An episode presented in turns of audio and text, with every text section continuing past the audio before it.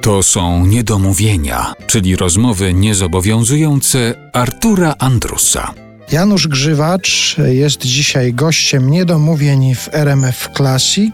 E, właściwie o paru sprawach związanych z życiem zawodowym Janusza Grzywacza sobie porozmawialiśmy i jeżeli pozwolisz, to ja jeszcze na koniec taką sprawę prywatną chciałbym poruszyć. Nie wiem, czy ty lubisz, jak się o prywatnych sprawach mówi publicznie w radiu na przykład. Wiesz co, nie mam okazji, więc nie wiem, czy lubię.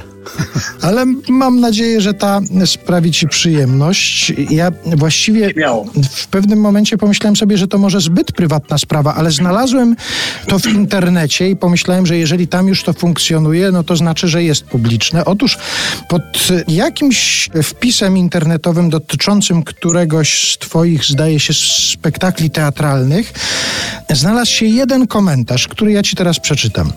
Janusz Grzywacz wychował się w Wieliczce na ulicy Obrońców Stalingradu, kumplował się z dzieciną, Wiesiek Siekierski, pamiętam jak na Targowicy grali w gałę, walczyli na szpady z Markiem.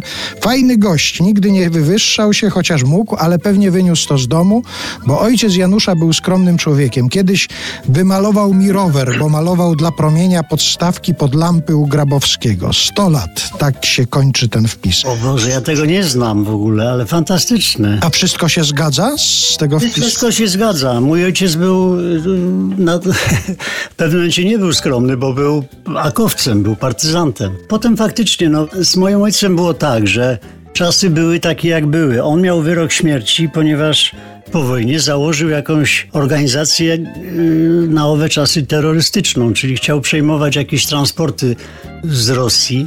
To im się specjalnie nigdy nie udało, ale na tyle go już obadała ubecja, że, że miał wyrok śmierci. On się biedny ukrywał od wojny do 56 roku. Dlatego moje miejsce urodzenia to jest Zakopane, ponieważ w pewnym momencie tam się z mamą schowali. Postanowił się ujawnić w 56 roku.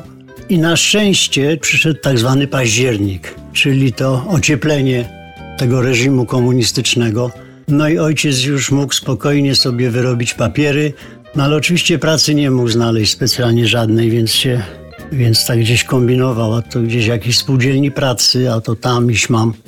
Ale dobrze, że jakiemuś koledze mojemu wymalował rower, bo był bardzo uczynnym człowiekiem. I to musiało być już parę lat temu, a popatrz, w 2018 roku człowiek jeszcze o tym pamięta. Stach, bo tak się podpisał przynajmniej. Co? Faktycznie mieszkaliśmy, taka słynna nasza trójca, Wiesiek Siekierski, Marek Styszowski, Janusz Żywacz. Chodziliśmy do jednej klasy od piątej podstawówki do całe czteroletnie liceum, do, do końca.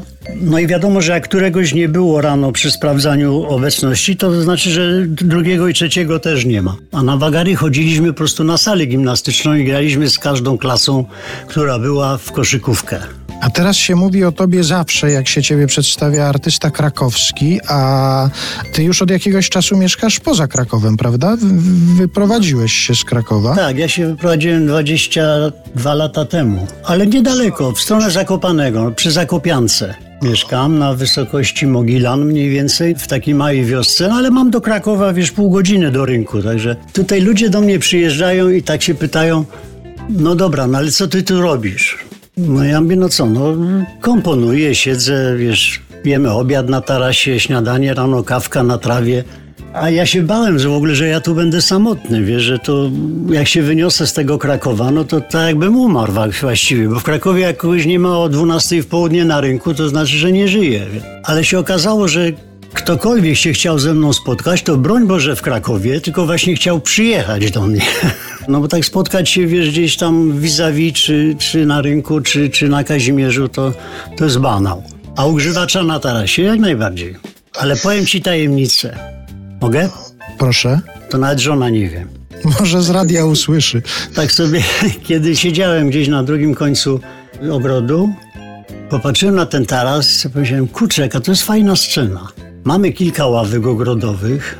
Jakby tak taki recitalik sobie tutaj pyknąć.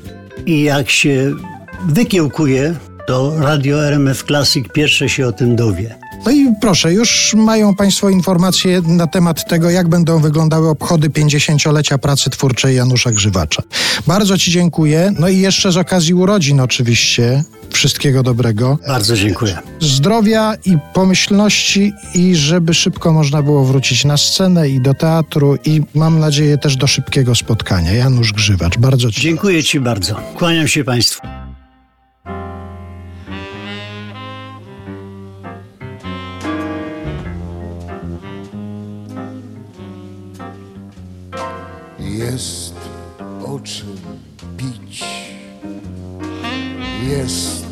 O czym mówić, jest się za co bić, w czym się zgubić. I z ciekawości do niektórych nóż sam w kieszeni szuka dziury, więc ty kochany pilnuj ściany, bo krzywy los masz za plecami i nim zdołasz się wczuć w tę rolę, może przyjść nagle twoja kolej. To nie jest bar dla pięknych par. Szczęśliwi wstępu tu nie mają. Tu wieje smutkiem z wszystkich szpar i tańczy się jak nerwy grają. To nie jest bar dla pięknych par. Szczęśliwie za kochanych to jest lazaret, nie kabaret. Tutaj się liże rany.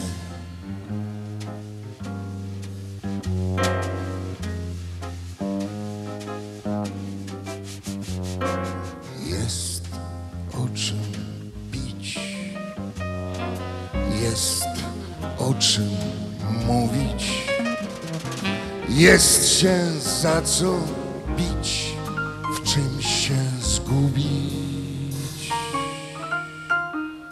I z ciekawości do niektórych nóż sam w kieszeni szuka dziury i płynie przez lata ludzi rzeka tamtego świata. Nie ciekaw, taki lotny jest i niestały, gdy nóż znajdzie dziurę w całym. To nie jest bar dla pięknych par. Szczęśliwi wstępu tu nie mają. Tu wieje smutkiem z wszystkich szpar i tańczy się jak nerwy grają. Par. Szczęśliwie za kochanych to jest lazaret, nie kabaret. Tutaj się liże rano. To nie jest bar dla pięknych par. Szczęśliwi wstępu tu nie mają. Tu wieje smutkiem z wszystkich szpar i tańczy się jak nerwy grają. To nie jest bar dla pięknych par. Szczęśliwie za kochanych to jest lazaret, nie kabaret. Tutaj się liże